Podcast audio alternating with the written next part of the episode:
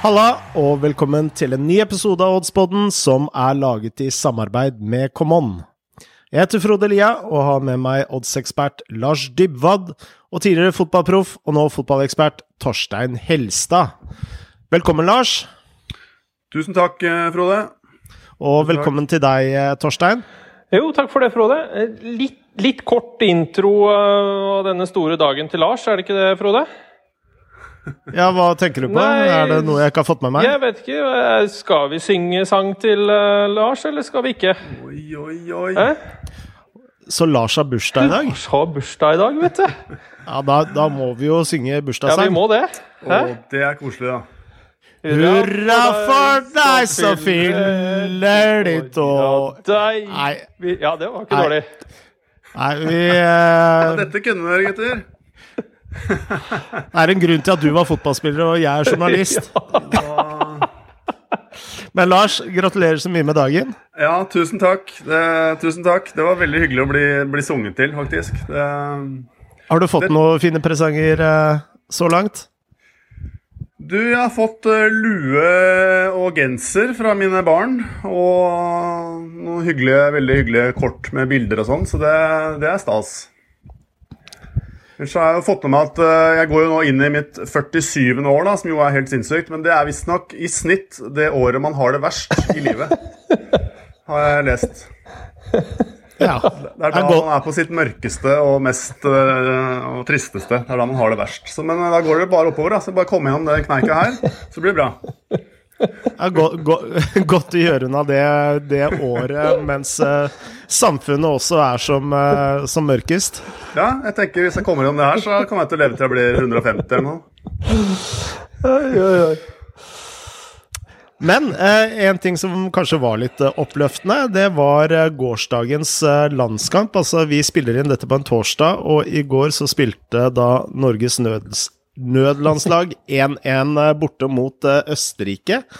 Eh, og jeg må jo si at jeg aldri heia på et norsk landslag så mye siden EM i eh, 2000, tror jeg. Nei, ikke, jeg, jeg tror ikke du var alene om det. Det var vel sånn genuint Alle etter den landskampen her var jo veldig, veldig fornøyd. Eh, så er det vel litt sånn at det er lov til å være litt misfornøyd fordi vi ikke vant kampen, kan det sies, ut ifra at vi skapte eh, så store sjanser. Eh, Det er lov til å si det. Eh, og så kan man vel også har jeg sett at noen har vært ute og satt spørsmålstegn med hvor bra er Østerrike? Tapte hjemme mot Romania. Eh, var ikke kjempeoverbevisende mot Nord-Irland heller. Og man skal vel ha med seg at eh, dem som spilte på nødlandslaget, er jo tross alt eh, spillere som spiller utenfor Norges grenser, bortsett fra Veton, så um, Men allikevel, altså. Eh, man tar det vel ut ifra den innsatsen som lå i bånn, som, som gutta la ned. For det var jo helt enormt. Ja, for det er jo det jeg syns var utrolig gøy å, å se på. Altså om eh, Altså hvilket nivå disse spillerne egentlig hører hjemme Mm. på, og hvor eh, god eller dårlig Østerrike var. Det er i hvert fall for meg veldig sekundært. Det å se det midtstoppeparet bare gi Ja. alt og litt til. Uh, Ryerson han eh, ville vel bli bytta ut, og så kommer han bare med kampens uh, deiligste takling eh, sekunder etterpå. Uh, og uh, Tronstad og, og eh, Zaid Ja. og Veton på topp, eh, som bare løper uh, buksen av seg. Uh, Møller Dæhlie Mm. eh, Mats Møller Dæhlie i tillegg. Eh, og det er jo det Altså, vi vil ha et eh, Ja. landslag. Altså et eh, landslag som bare viser eh, innsatsvilje. Mm. Uh, jeg veit ikke om uh, hva du tenker, Lars? Nei, det er, det er som du sier. Altså, det, var, det er utrolig deilig å se Ja, det er en klisjeen, da. Se elleve spillere som, som blør for drakta, da, hvis man skal Det er jo en veldig sliten frase, men øh, Nei, det er moro. og Man hadde kanskje ikke så store forventninger, og det leverte så til de grader. Så det var øh, det er helt, helt, helt enig. Den morsomste landskampen jeg har sett på veldig lenge. Og det er jo tross at vi jo egentlig har et, øh, i hvert fall veldig mange spennende og morsomme spillere i vårt eh, vanlige landslag. Men eh, nei, det var gøy. Det, ble, det blir som en sånn liten eh, Nå ble det ikke noe sluttprodukt av det, på en måte, annet enn uh, veldig hederlig uørt. Men det, det, blir som en sånn liten sånn Disney-historie Disney med en, en, egentlig en happy ending òg. Så det i hvert fall sånn alle drar hjem med æren i behold og hadde en god opplevelse. Så ja, det er gildt. Det er utrolig gøy å se folk som elsker å spille fotball, spille fotball. Hvilke spillere tror du blir med videre, Torstein? Nei, det, det, det, også har jo blitt litt diskusjon i dag, og det syns jeg, jeg, er litt gøye. Eh, hva gjør eh, Lagerbäck med de som har hatt klippekort ganske lang, lang tid nå? Um, og det utenom å ha spilt fotball på klubblag, mange av dem, over lang tid. Um, ja. Så noen, eh, og jeg syns at flere av dem som spilte i går, la inn en søknad om at de vil være med videre. Mm. De fortjener først og fremst å være med videre, ut ifra den jobben som blir lagt ned. Mm. Og så blir det vel opp til Lagerbäck at han må kanskje se andre ligaer enn den tyske og engelske. Og det blir jo spennende om han i det hele tatt har oversikt over hvem som var med i den troppen her i det hele tatt. Så mm, Om han tør å dra til Nederland og Frankrike? Ja, det blir, det blir, spennende det, om han tør å reise til andre, andre, land enn de han pleier å reise til. Så, men det er flere her som ikke bare banker på døra, men er godt innafor døra. Til, burde være innafor døra til neste samling. Vi snakka jo om klippekortgutta i siste episode. Og eh, sånn som eh, Sondre Tronstad fremsto eh, i går, så blir det veldig vanskelig å ikke komme utenom ham. Ja, der har du en midtbanespiller som beveger og flytter beina enormt og dekka mye rom, men også, også, rolig med ballen når han fikk tak i ballen. Men det er jo først og fremst de duellene der han vinner ballen og setter opp spillere som Ja kunne hatt mål og kunne hatt assist òg, for all del. sånn sett. Men mm. uh, akkurat den der frekvensen i beina som er enormt viktig å ha sentralt i banen. Eh, siden av eh, Sander. Så det um, Nei, det er jo helt merkelig hvis han ikke er med i en neste tropp. det blir vel på nyåret en eller annen gang. Bra. vi hadde jo ja, Før jeg forlater den, så kan jeg jo Jeg må jo tilføye at fra et litt sånn odds-perspektiv, så er det jo det er jo interessant. Altså man, man, ser jo mye på lagoppstillinger og forfall og skadelister og korona. og i det hele tatt Når man analyserer odds, det er jo ganske interessant da, at man kan samle et landslag på to-tre dager eh, med først og fremst spillere som ikke på en måte er i første, de første 25 som blir tatt ut. Da. Og så kan man samles så raskt. Ikke ha noe tid til å trene sammen. Det er klart det er jo en del spillere her som har spilt på U-landslag osv., men det er jo ikke det er jo ikke et lag som er vant til å spille sammen på noen som helst måte. Og så kan man levere et såpass sterk prestasjon mot uh, et anstendig landslag, da, uten å vurdere Østerrike så mye. De har jo skuffa egentlig dette i denne landskapsperioden. Men det er jo interessant, da. Kanskje man uh, noen ganger legger for mye i forfall. da, I hvert fall hvis man kan veie opp med motivasjon, tydeligvis. Så, mm. så kommer man langt, altså. Det har jo kommet en del sånne flåsete kommentarer, eller eh, flåsete etter min mening, da.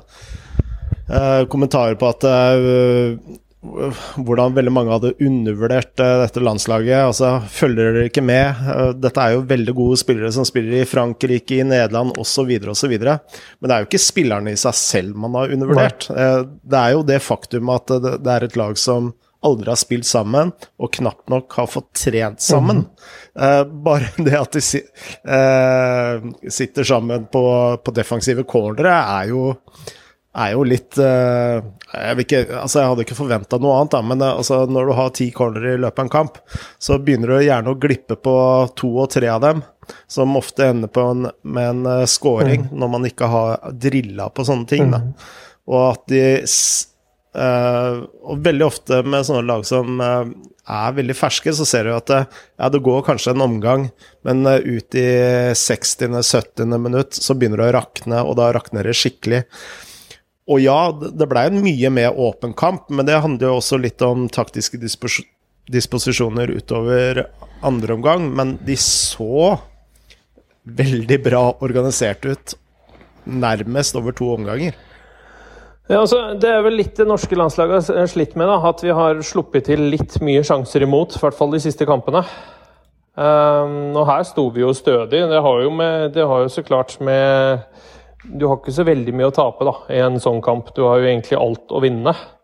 Men uh, den konsentrasjonen og hvordan den bakre fireren sto sammen der de, de er ja, de har kanskje spilt litt PlayStation sammen. Da. Det er det nærmeste de har spilt fotball sammen. liksom. Så det er, det er gøy å se da, at uh, spillerne står opp selv. Uh, tar ansvar for sitt område. Og så har du jo noen sjefer bak der som trekker i, i snorene. og så så er det gøy da å se hvor ydmyk uh, Ruben Gabrielsen var etter å ha vært kaptein og sto der med det største smilet på intervjuet etterpå. Det, du ser jo at dette her betydde veldig mye for gutta, og det er, det er jo sykt gøy. Absolutt. Uh, la oss gå litt uh, videre. Vi hadde jo noen uh, flere Eller vi hadde noen odds-spill i, i, i, Nations League denne helgen. Og det gikk fryktelig dårlig, Lars. Jeg spilte Spania mot, mot Sveits til to i odds hos Common, og du hadde vel Østerrike minus 1 til 1,69 odds hos Common mot Nord-Irland.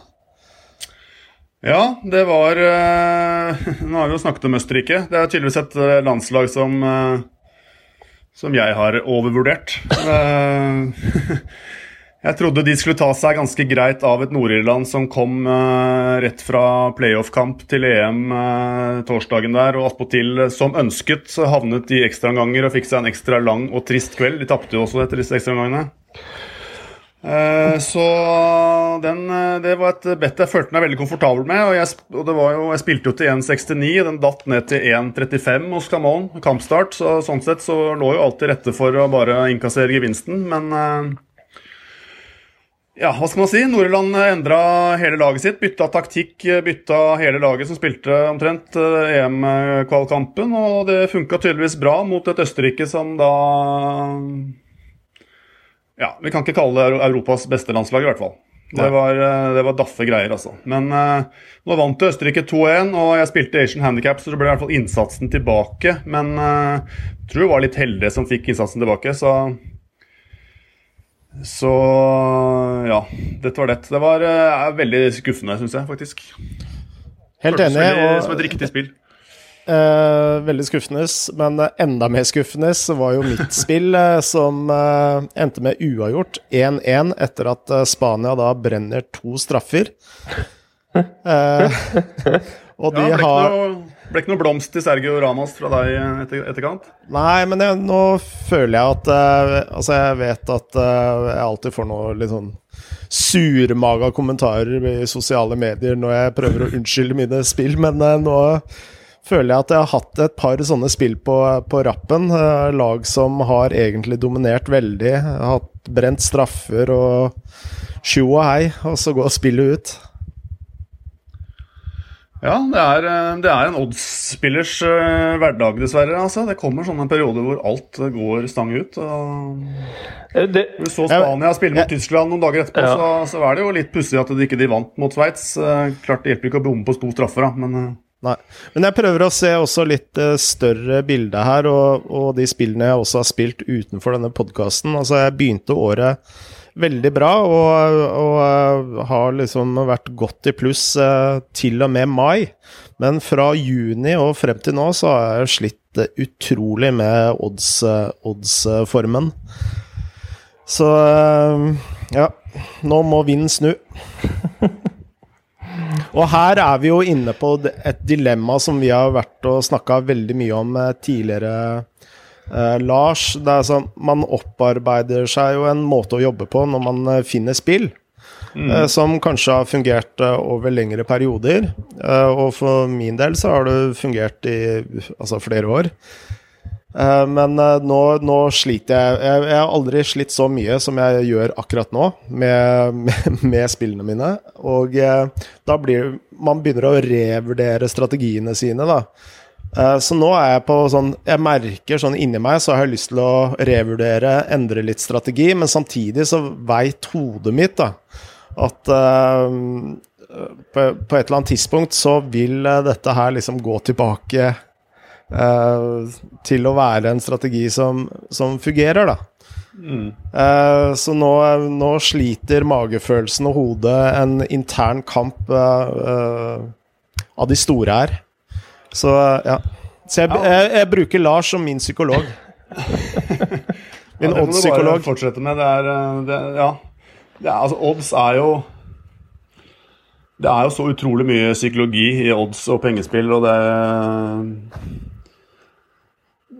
Det er som du sier. Altså, hvordan, hvordan, hvordan kan du vite da, om det er, eh, om det er korona, eller om det er eh, bare eh, Om det er en eller annen varig endring i måten du analyserer på, som kanskje, så kanskje du er nødt til å tilpasse, eller så kan du ha en periode med stang ut, rett og slett. Det, det har man jo. Altså, disse marginene kommer og går, og de, de kommer, i, kommer og går i ustabile mønstre. Sånn er det med sannsynlighetsregning. Og når du spiller odds over tid, selv om odds er et ferdighetsspill, så er du utsatt for en hel rekke tilfeldigheter som avgjør hvert enkelt spill. Du kan ha måneder hvor alt går inn, og du kan ha måneder hvor alt går ut. Har jo, jeg, har jo mitt, jeg jobbet jo i Dagbladet i fem år som daglig tippeleverandør av oddstips. Og jeg har jo sett, sett på det regnskapet jeg følte der mange ganger, før også ellers. og Det er helt vanvittig hvordan det varierer fra helt grusomt til helt fantastisk. altså. Det er... eh, Men, men, eh, Så- men, eh, men man må vel kunne trekke noe mot den parallellen som vi har snakka før, med at det er noe som har skjedd etter koronaen slo inn og folk forsvant fra tribunene på kamper og sånne ting. For det har vært veldig mye rare resultater der utgangspunktet, store favoritter hjemme, går på en skrell etter en skrell etter en skrell.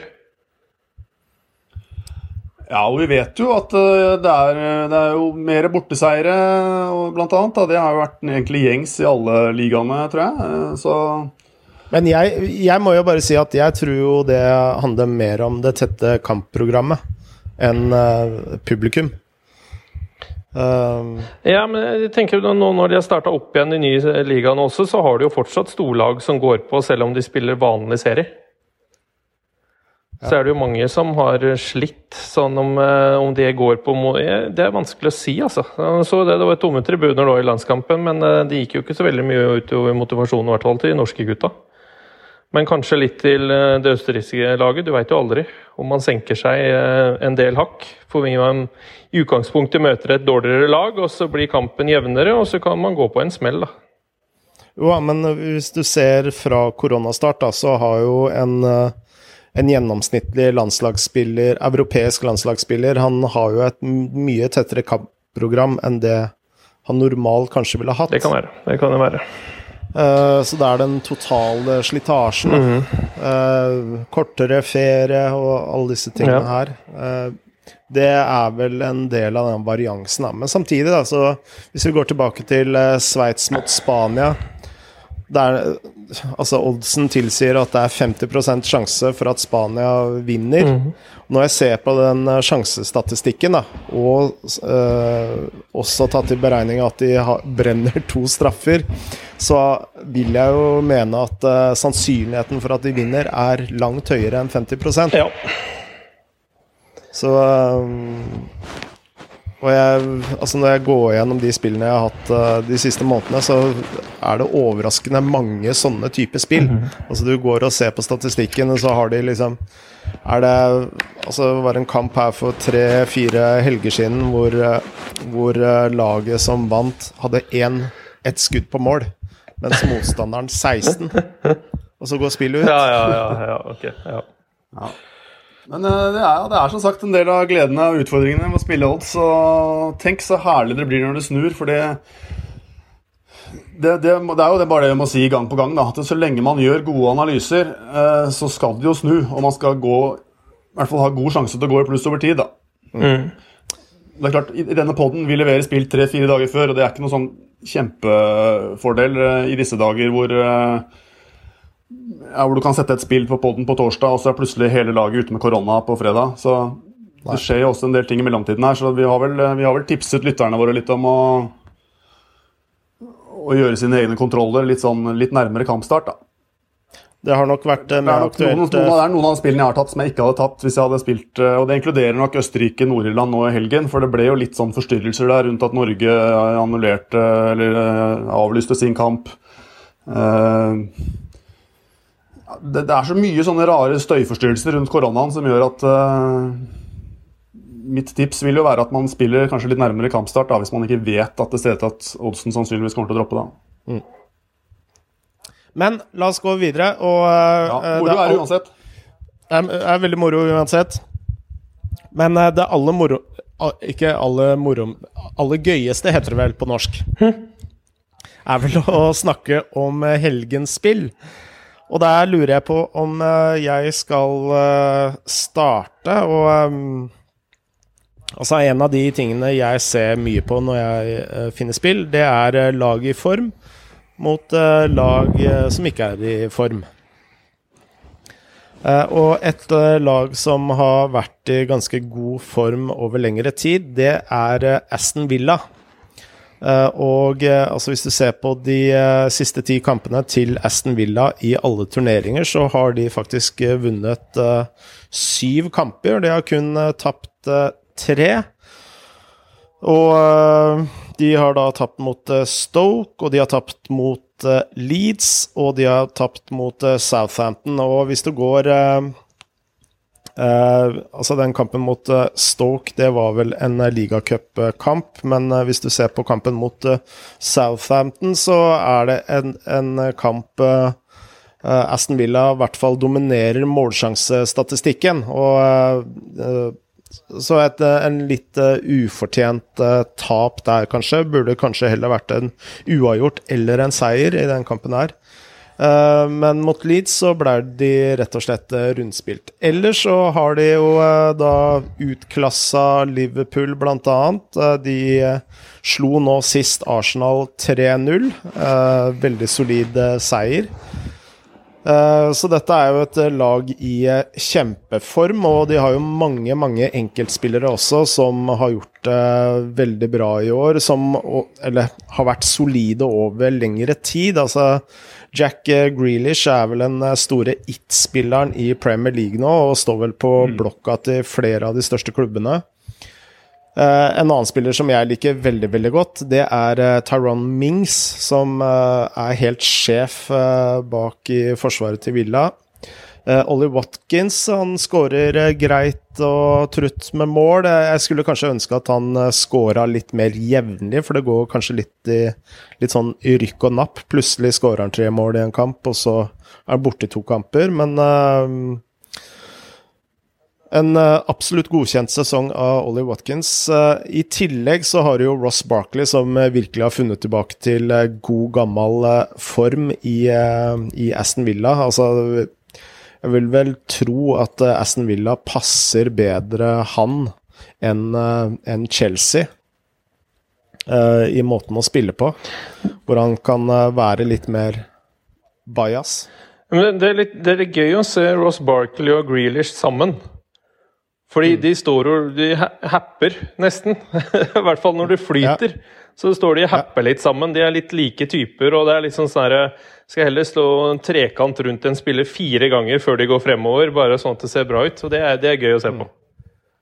Når jeg, når jeg bruker ordet bajas, så, øh, så øh, og dette vet jeg egentlig ingenting om, annet enn det jeg ser på banen. Mm. Det virker som at de har mye mer frihet, mm. da uh, i måten Aston Villa spiller på, og, og, det er noe som kler Ross Barkley enn uh, enn eh, det de har i Chelsea, hvor uh, oppspillsmønsteret virker å være mye mer sånn fastsatt. I, I, tillegg til at man uh, spiller med mer uh, tunge skuldre i tyngre klubber, og det er jo ikke alltid spillere responderer godt på akkurat det. men nå møter møter Aston Villa Brighton, og de, hvis du ser på formen dem, så har de kun vunnet tre kamper av de siste ti kampene. Ellers så har de tapt fire og, og spilt eh, tre uavgjort. Um, det er vel kanskje det man eh, kan forvente av Brighton, men litt av tanken her, det er måten Brighton eh, spiller. De spiller jo på en Hvis vi skal bruke terminologien til uh, tidligere landslagstrenere i Norge, så spiller vel de en type omstendelig fotball. Og uh, det gjør de på død og liv. Og nå møter de et uh, ganske hardtpressende Aston Villa, som, som, går i strupen på lag, og har drept flere lag med presset sitt. Mm. Så her ser jeg for meg at de får veldig mange overgangsmuligheter og, og putte på de. Uh, så her uh, har jeg en følelse at uh, det, en, altså det enten blir Altså jeg tror det er veldig lite sannsynlig at Brighton vinner. det er en liten uavgjort fare, og jeg tror Aston Villa tar det. Og det kan være at her vinner Aston Villa også med, med flere mål. Så her kan det være interessant for, eh, for eh, folk som er mer risikovillige enn det jeg er akkurat nå, til å se på minuslinja på, eh, på Aston Villa. Jeg kan jo også si, nevne litt om et par andre spill som jeg hadde på, på blokka. For det var et annet spill jeg syns var veldig interessant, og det er Dortmund uh, borte mot uh, Hertha Berlin. Altså det er Der ligger vel oddsen til rundt 1,75 akkurat nå. Mm. Og Men der er vi inne på korona og igjen, og det var en sånn type kamp jeg gjerne ville se, se, ha sett lagoppstillingen før jeg satt et spill.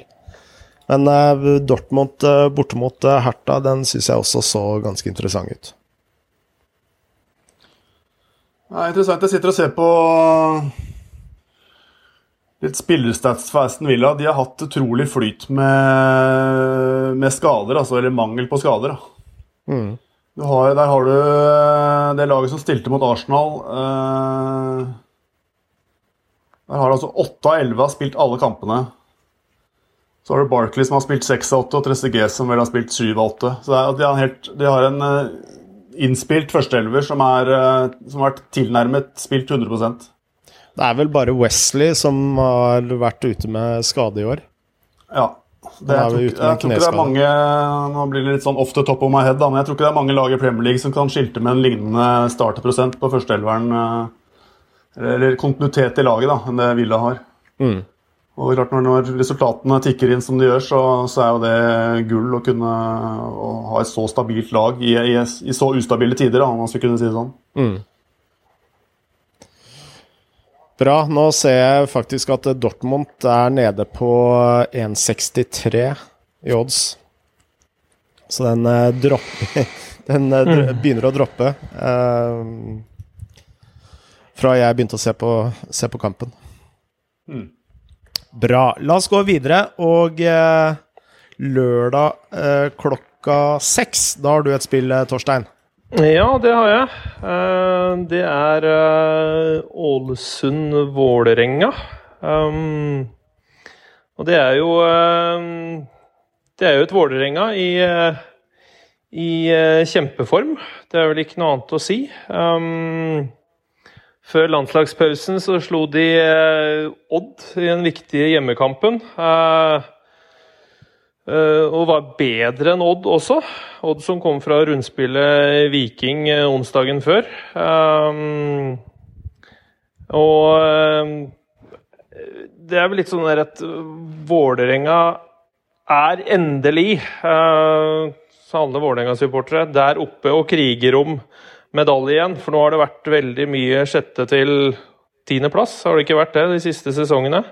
Som man ikke har fått løfta. Nå har Fagermo fått løfta det. Um, både med individuelle spillere, men også, jeg vil mer si som lag, at de virker veldig mye mer stødig som lag. Um, og så ser man jo også det for treningene, at han har fått inn et enormt humør i denne gruppa. De virker spillesugne alle sammen. Uh, mye kule konkurranser på trening som du ser at gutta, gutta er med. Og der tror jeg at han har bygd en bra, bra garderobe igjen i Vålerenga. Der alle står sammen og trekker i samme retning, og det, det får du resultater av. Um, Og Vålerenga har uh, vært bra på uh, bortebane. Siste to kampene har de vært uh, De var sterke i Sandefjord, vant 3-0. Sterke borte mot Godset, en bane de har slitt veldig med. Vant 2-0 der også, så slo de Odd siste hjemmekampen. Og har hengen på Molde, Rosenborg, som, ligger foran. og har har også fire seire på de siste fem. Uh, og det, det er sterkt av, av Vålerenga, uh, helt klart. Mm. Nå skal vi møte et Ålesund-lag. Hva skal vi si om Ålesund? Det Trenerbyttet hjalp ikke. De spilte uavgjort på Intility, men da var det jo Fridjonsson på motsatt eh, banehalvdel. Han er borte, og etter at han forsvant, så har vel for så vidt også målene forsvunnet eh, med Ålesund. Um, de har én seier på de siste 11-12 kampene, er det vel. Uh, der Kongshavn uh, spilte vel nesten til en tier på børsen borte mot Haugesund, og de vant, uh, man kan si, heldig 1-0. og det er litt sånn at um, det sier litt om Litt om uh, Ålesund. og Etter at Lars Arne Nilsen tok over, så trodde man kanskje at de skulle få et løft. Det har jo ikke funka i det hele tatt. Uh, de, har, de, har, de, har, fått uh, stramma igjen litt defensivt. Det har de gjort. Nå blir det kanskje feil å si det etter at de tapte 7-0 i Bodø sist kamp før, før Og da spilte de 5-4-1 og de slipper inn syv mål, så det sier seg litt om hva som er problemet til uh, Bodø. Um, Tenk så mye de hadde tapt hvis de ikke hadde fått stramma ja, det, det kan, ja, ja, ikke sant? Du er jo inne på det. Hvis de ikke hadde stramma, ikke komme med fem. Uh, Grønner sa det vel godt i pausen i intervjuet at ja, du kan få låne skoene mine du og prøve hvordan det er der ute til reporteren. liksom. Da har du ja. mista troa allerede i pausa. Nei, før, eh, etter første omgang. Så det har vært litt av problemet til Ålesund. Eh, men de har sett bedre, i hvert fall litt strammere på hjemmebane. Litt tightere. Uh, tightere. Uh, gikk på 0-3 mot Odd, men da var Odd også veldig, veldig gode. Uh, men Ålesund, det skal vel veldig mye til for at de skal redde seg denne sesongen. Det sier seg sjøl. At Vålerenga kan ta en annenplass, det skal man ikke se bort ifra når man ser at både Rosenborg og Molde kan eh, snuble litt eh, innover. Så eh, ja, jeg syns at ja, Vålerenga skal slå et Ålesund-lag. Og Asian Handicap minus 1 på Vålerenga står til 1,85.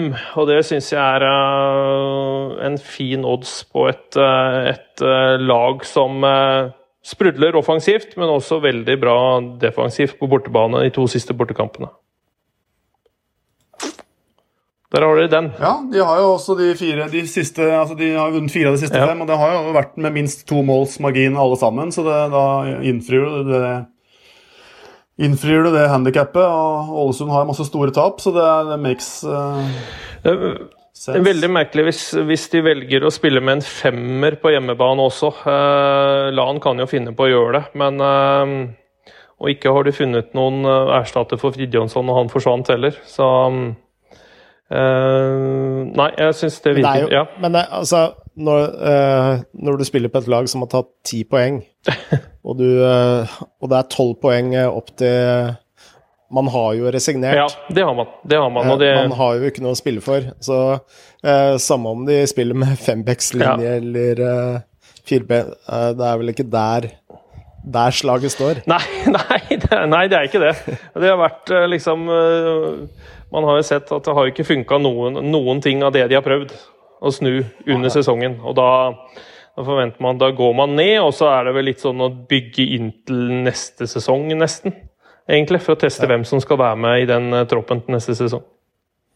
Hadde du noen andre spill du vurderte denne runden? Ja, jeg titta på uh, Kristiansund. Uh, Kristiansund-Mjøndalen. og det er jo Kristiansund hjemme. Eh, nå var jo eh, oddsen der eh, har jo også begynt å droppe, så klart. Nå er den vel nede i 1,62 på Kristiansund hjemme.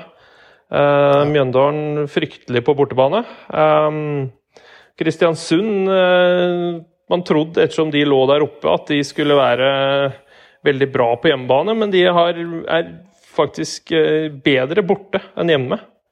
Eh, det er vel kanskje derfor eh, oddsen også var litt høy. Nå har den begynt å droppe, da, så klart, mot Kanskje litt eh, sånn Mjøndalen slo Godset 3-0 siste hjemmekamp, men alle slår Godset, og alle slår Brann om dagen, så det er litt sånn derre Hvor er eh, pekepinnen på det? Men det er, det er, jo helt klart en kamp KBK skal vinne for å også være med i en slags medaljekamp. Og, det, jo, og, og, Mjøndalen de slåss jo om livet. Ja, og det, det, uh, De slåss om uh, en kvalikplass eller en uh, Altså, ja. De kan jo fortsatt ta 13.-plassen. Og du ser at det, er alltid sånn på slutten av en sesong at de lagene som ligger der nede, begynner å karre til seg og få litt sånne der overraskende resultater. Og det kan skje på bortebane også. Kristiansund var jo i Molde sist, og 2-2 kunne jo ha vunnet, ikke sant? Så det er um, mm alt tilsier jo egentlig at Kristiansund skal vinne den kampen her. Eh, virker vel sånn på oddsen også. Når den begynner å droppe, kommer sikkert til å droppe kanskje litt til inn mot eh, kampstart. Eh, men som på papiret så er Kristiansund bedre enn det Mjøndalen er. Og så har man den lille at de der båndlagene De får alltid litt sånn ekstra, inn de som ligger rundt den kvalplassen på slutten av sesongen. Så mm. Ja. Men uh, nå ligger han vel i 1,62, tror jeg, Kristiansand. Ja, nei, Kristiansand, sier jeg. Kristiansund hjemme. Mm. Bra. La oss gå videre til uh, søndagen og uh, eh, 2015. Da har du et spill Og du skal spille mot ditt favorittlag, Lars. Ja, det, man prøver jo å holde hjertet unna når man driver med odds. Og jeg må jo si altså, Dette er jo en kamp mellom uh, to topplag i Premier League. Altså, Liverpool er på tredjeplass, uh, Leicester uh, leder. Og jeg føler at selv om oddsen nå på Liverpool er, er oppe på 1,95, så føler jeg fortsatt at det er veldig mye navn, rykte osv. i oddsettingen her fortsatt i favør Liverpool. At de er litt sånn overvurdert. og, og det, det, er jo et, også et lag som, som, mottar sikkert en del uh, si, gratisspill fra, fra odds-spillere. I, I, takt av å være seriemestere og, og, ha et uh, navn og osv. som kanskje er litt større enn Leicester sitt. No, no offense mot Leicester, men Eh, og dette er jo også en kamp mellom to lag som har plettfrie records eh, hjemme og borte. Liverpool har vunnet alle fire hjemmekampene sine, Leicester har vunnet alle fire bortekampene sine. Og så er det jo litt artig med liksom Jørgen Klopp og mot sin forgjenger, da, Brendan Rogers. Og Rogers er jo har jo gått på et par uh, tap mot uh, Klopp uh, tidligere. og jeg, Han er vel en, Han er jo litt av en karakter, Rogers. Og jeg kan tenke meg at han nå ser en mulighet til å utnytte denne skadekrisen, som jo er mye omtalt i Liverpool. og jeg tror det er lite han ønsker seg mer fra en grå novembermåned enn en, enn en seier mot sitt gamle lag. Hvis vi skal ta Liverpool litt først, da. De har jo som sagt vunnet alle hjemmekampene sine. Men det, ikke, det har ikke vært det har, ikke, det har, ikke, gått på skinner for Liverpool. Altså, de har hatt, vært involvert i en litt sånn Kanskje litt sånn som i, i, fjor høst, for så vidt. Litt sånn heldige Litt heldige seire. Eh, ett mot seier mot Leeds. Eh, der skårte riktignok Leeds på det meste, men eh, Sheffield United, Westham Det har vært de har spilt godt, men slitt med å omsette det. Og så har de vært litt, kanskje litt heldige i noen nøkkelsituasjoner som har gjort at de har dratt i land seire. Eh, overbevisende mot Arsenal 3-1, men uh, ja, Det er ikke helt det Liverpool-laget vi så på sitt beste sist sesong. Uh, er, det, er, det, er, det, fraværet av van Dijk, eller er det noe mer?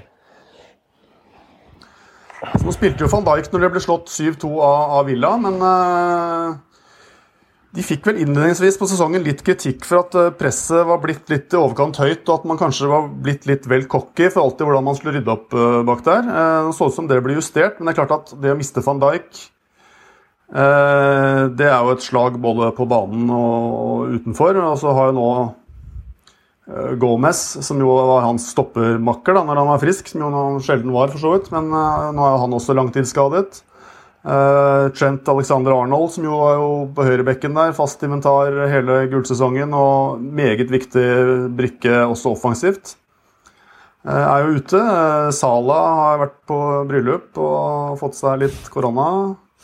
Han kommer vi ikke til å se på en stund. Han er, sitter nærmest fast i Egypt til han tester negativt igjen.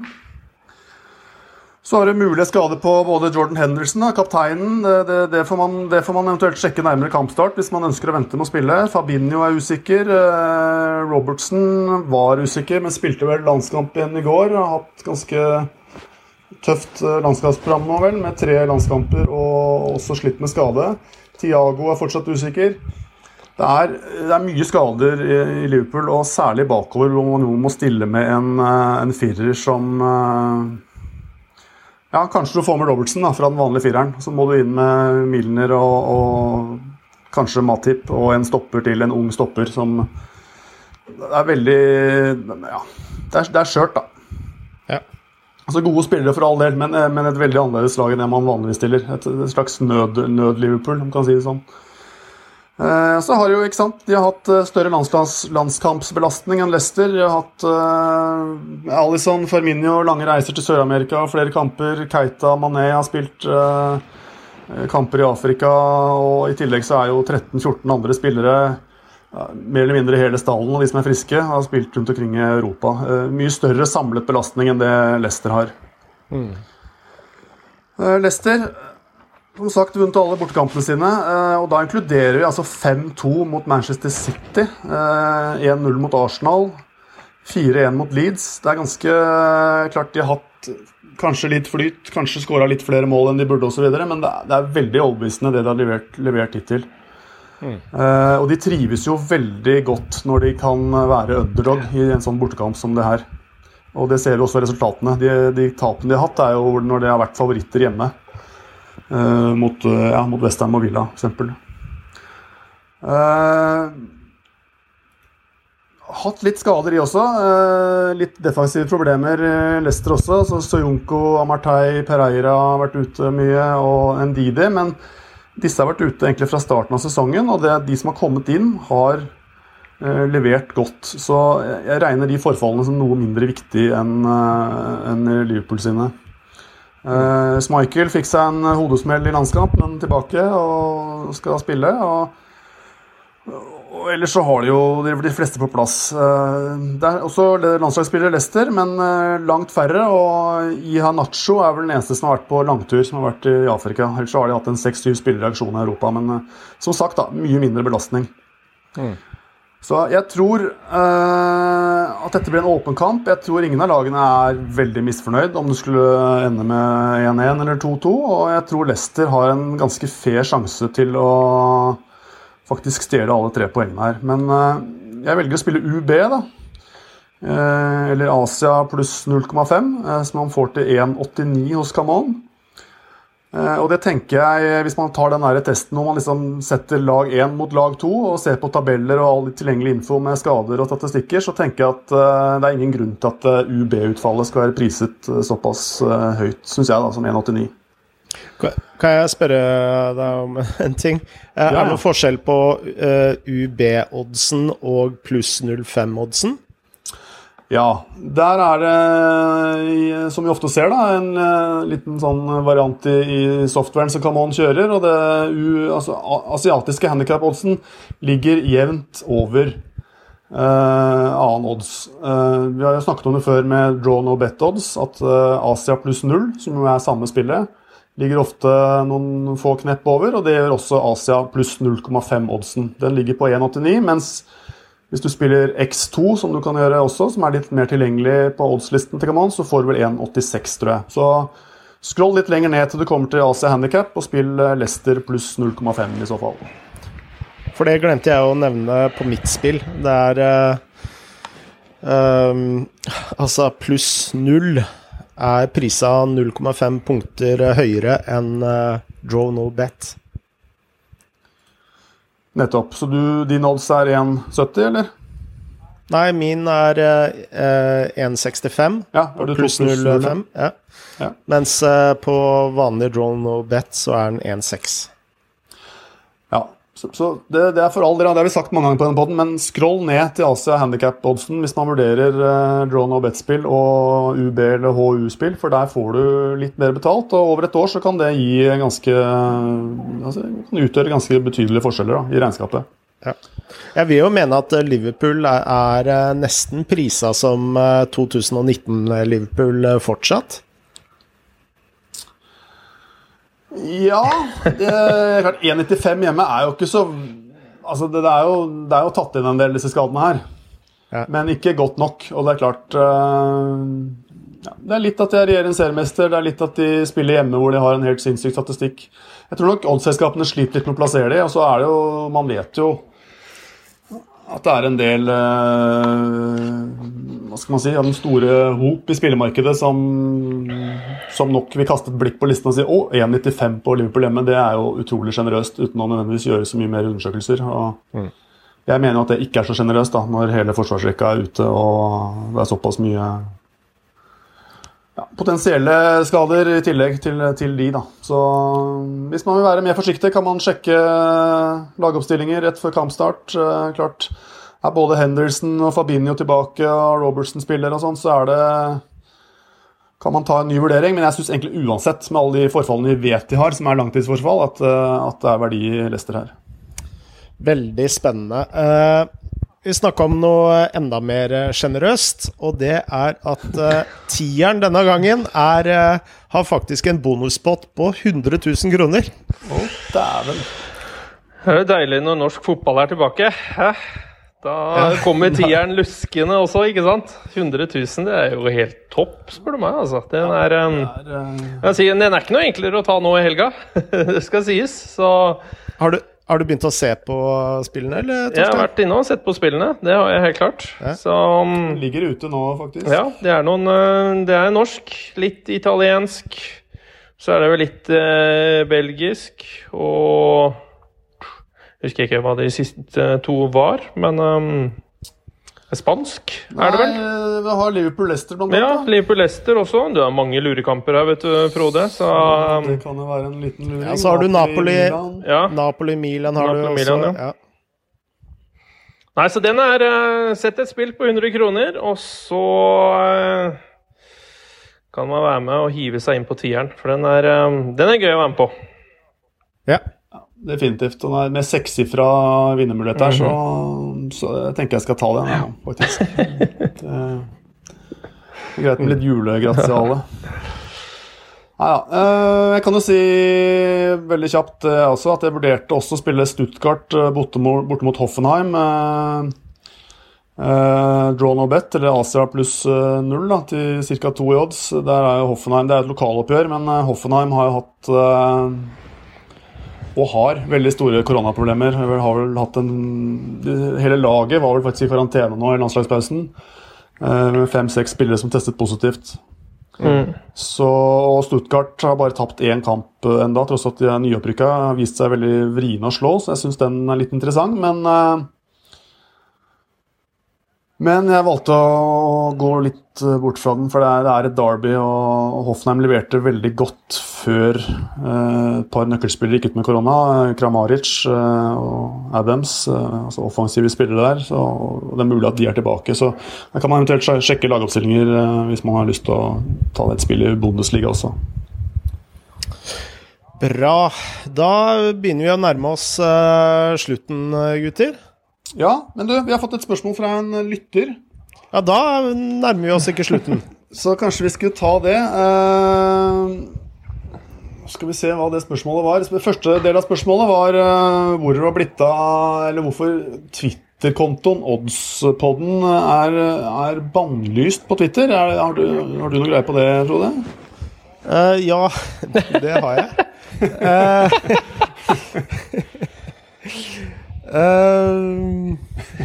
men jeg aner ikke hvorfor. Altså, jeg tok det Twitter-nikket når jeg kom på ideen om Oddspodden for mange, mange år siden. Og så uh, tror jeg jeg glemte passord, og skulle jeg uh, endre noe passord, og så hadde jeg gjort det for mange ganger, og ja. Og så nå, nå har jeg prøvd å være, komme i kontakt med Twitter for å få åpna, men jeg får ikke svar. Nei, Så det er EDB-tekniske årsaker. Ja. Så vi har ikke blitt bannlyst, som det ble hinta om i spørsmålet her fra, fra Twitter-kontoen Paolo Holdini, som jeg har fått spørsmål fra her. Jo, altså øh, Vi har blitt bannlyst fordi vi trodde det var en sånn bot øh, i om, Ah, ja. Altså, jeg tok denne kontoen for mange, mange år siden, når jeg først kom på ideen for å lage Oddspodden. Eh, men eh, det tok jo kanskje tre år fra jeg hadde ideen om Oddsboden til vi faktisk kom med første episode. Og eh, etter valget i USA i 2016 så gjorde Twitter en sånn storrengjøring på inaktive Twitter-kontoer. Og da har- den nok gått i det dragsuget der. De trodde rett og slett vi var med på å rigge valget i USA. Så ja. Men jeg har prøvd å, å gi beskjed til, eh, til Twitter om at vi er ikke en russisk bot. Vi eh, diskuterer bare oddspill, eh, men eh, til lite gehør. Veldig bra. Så spørsmålet del to var at han gjerne høre om våre beste oddspill. Altså, og spørsmålet er gjerne Vil gjerne høre om deres beste spill, enten en høyoddser som gikk inn, eller et spill der, der dere hadde mye bedre enn markedet. Mye bedre kontroll enn markedet. Unnskyld. Eh, jeg har Altså, jeg har Det er kun ett eneste spill jeg har eh, som, eh, som jeg husker veldig godt. Og det hadde jeg for vinteren for to år siden. Og det var en periode Sevilla alltid lå under med masse mål, og så kom de alltid tilbake på et eller annet tidspunkt. Og de spilte hjemme mot Eibar, og Eibar eh, Jeg tror det var Eibar, og de leder 2-0. Når det står igjen fem minutter, så eh, så eh, spiller jeg da Sevilla pluss pluss 0,5 til 54 i odds. Eh, og jeg- 54 odds, ja. ja, og jeg satt eh, 1000, eh, 1000 kroner på, på det utfallet. Jeg kommer, eh, jeg kommer opp og skal trene A-laget til Kristiania ballklubb i Valhall. Så jeg legger fra meg telefonen før kampen er ferdig. Og så, når uh, treninga er ferdig, går jeg inn og sjekker eh, kontoen, for jeg hadde jo noen flere spill gående, og så ser jeg bare at eh, jeg er liksom opp eh, 55 000. Og, og jeg bare What? De klarte det! Og kampen endte 2-2. Jeg vil ikke si at det var mitt eh, beste spill på ingen som helst måte, men eh, det er et spill jeg husker, husker veldig godt. Og jeg, jeg tenker jo sånne Altså Marginene for oddspill da, de er jo så små, så, så vi liksom Vi slåss jo om millimeter, og de millimeterne, de er jo ikke så sånn, sånne millimeter man husker fra uke til uke til. Det er jo mer sånn nitidig arbeid. Men eh, det spillet der, det husker jeg ve veldig, veldig godt. Ja, det, det skjønner jeg. Det må ha vært litt av en eh, opplevelse. Jeg kan jo det, det er godt med litt marginer av og til. Jeg kan jo ta et av de spillene jeg husker best. da. Det var, eh, Jeg jobber jo som sagt som såkalt ekspert i Dagbladet og jobba med odds og leverte tips hver dag. og 19.9.2015 da hadde Manchester City satt eh, klubbrekord med elleve strake seire i, Premier League. Og åpnet da med full pott den sesongen i Premier League. Skulle spille hjemme mot Westham. Uh, og oddsen på Westham var over uh, 11 hos uh, Camon. Jeg har vært inne og sjekka nå, faktisk, for det hadde jeg glemt. Uh, det var for øvrig Kevin De Bruynes første kamp for eh, Manchester City. Og da eh, anbefalte jeg Dagbladets lesere å spille, spille Westham. Og det gjorde de lurt i, fordi de vant faktisk. altså da til over 11 odds. Eh, Jeg husker det veldig godt. Adrian, da, som har fått mye kjeft i Liverpool, han var helt enorm i den kampen. Eh, Victor Moses og Sakko skåra for Westham, og De Bruyne skårte i debuten. Og Westham leverte en fantastisk kamp. Det var en sesong hvor Westham var litt sånn giant killers. De, de, de sto bak en del smeller på bortebane. Jeg lurer på om dette var den første. og jeg husker det var mye, mye hyllester på, på Twitter for det, for det, tipset. Så det er, det er, ikke den største oddsen jeg har satt inn på, på langt nær, men det var, det, det var, en utrolig god kjensle, husker jeg, å, å prikke inn en sånn skikkelig høyoddser i, i, Premier League. Ja, ellers er det som du sier, Frode. Det er jo en sånn evig prosess hvor man, hvor man har noen millimeter mot eller med seg hele veien. og Eh, jeg også ikke så, så, Jeg blir ikke så følelsesmessig involvert i spillene underveis. Nei. Nei, for, for meg Jeg er jo, jeg er jo norsk fotball. Uh, så jeg hadde et det, er vel, jeg tror jeg, det var vel et tips på også når jeg drev og spilte inn video for, kom on, for en del år siden. Eh, da jeg spilte inn videotips. Eh, og det var eh, i gode gamle dager når Godset var uslåelig på hjemmebane. De vant jo stort sett alt, og fikk Stabæk på besøk.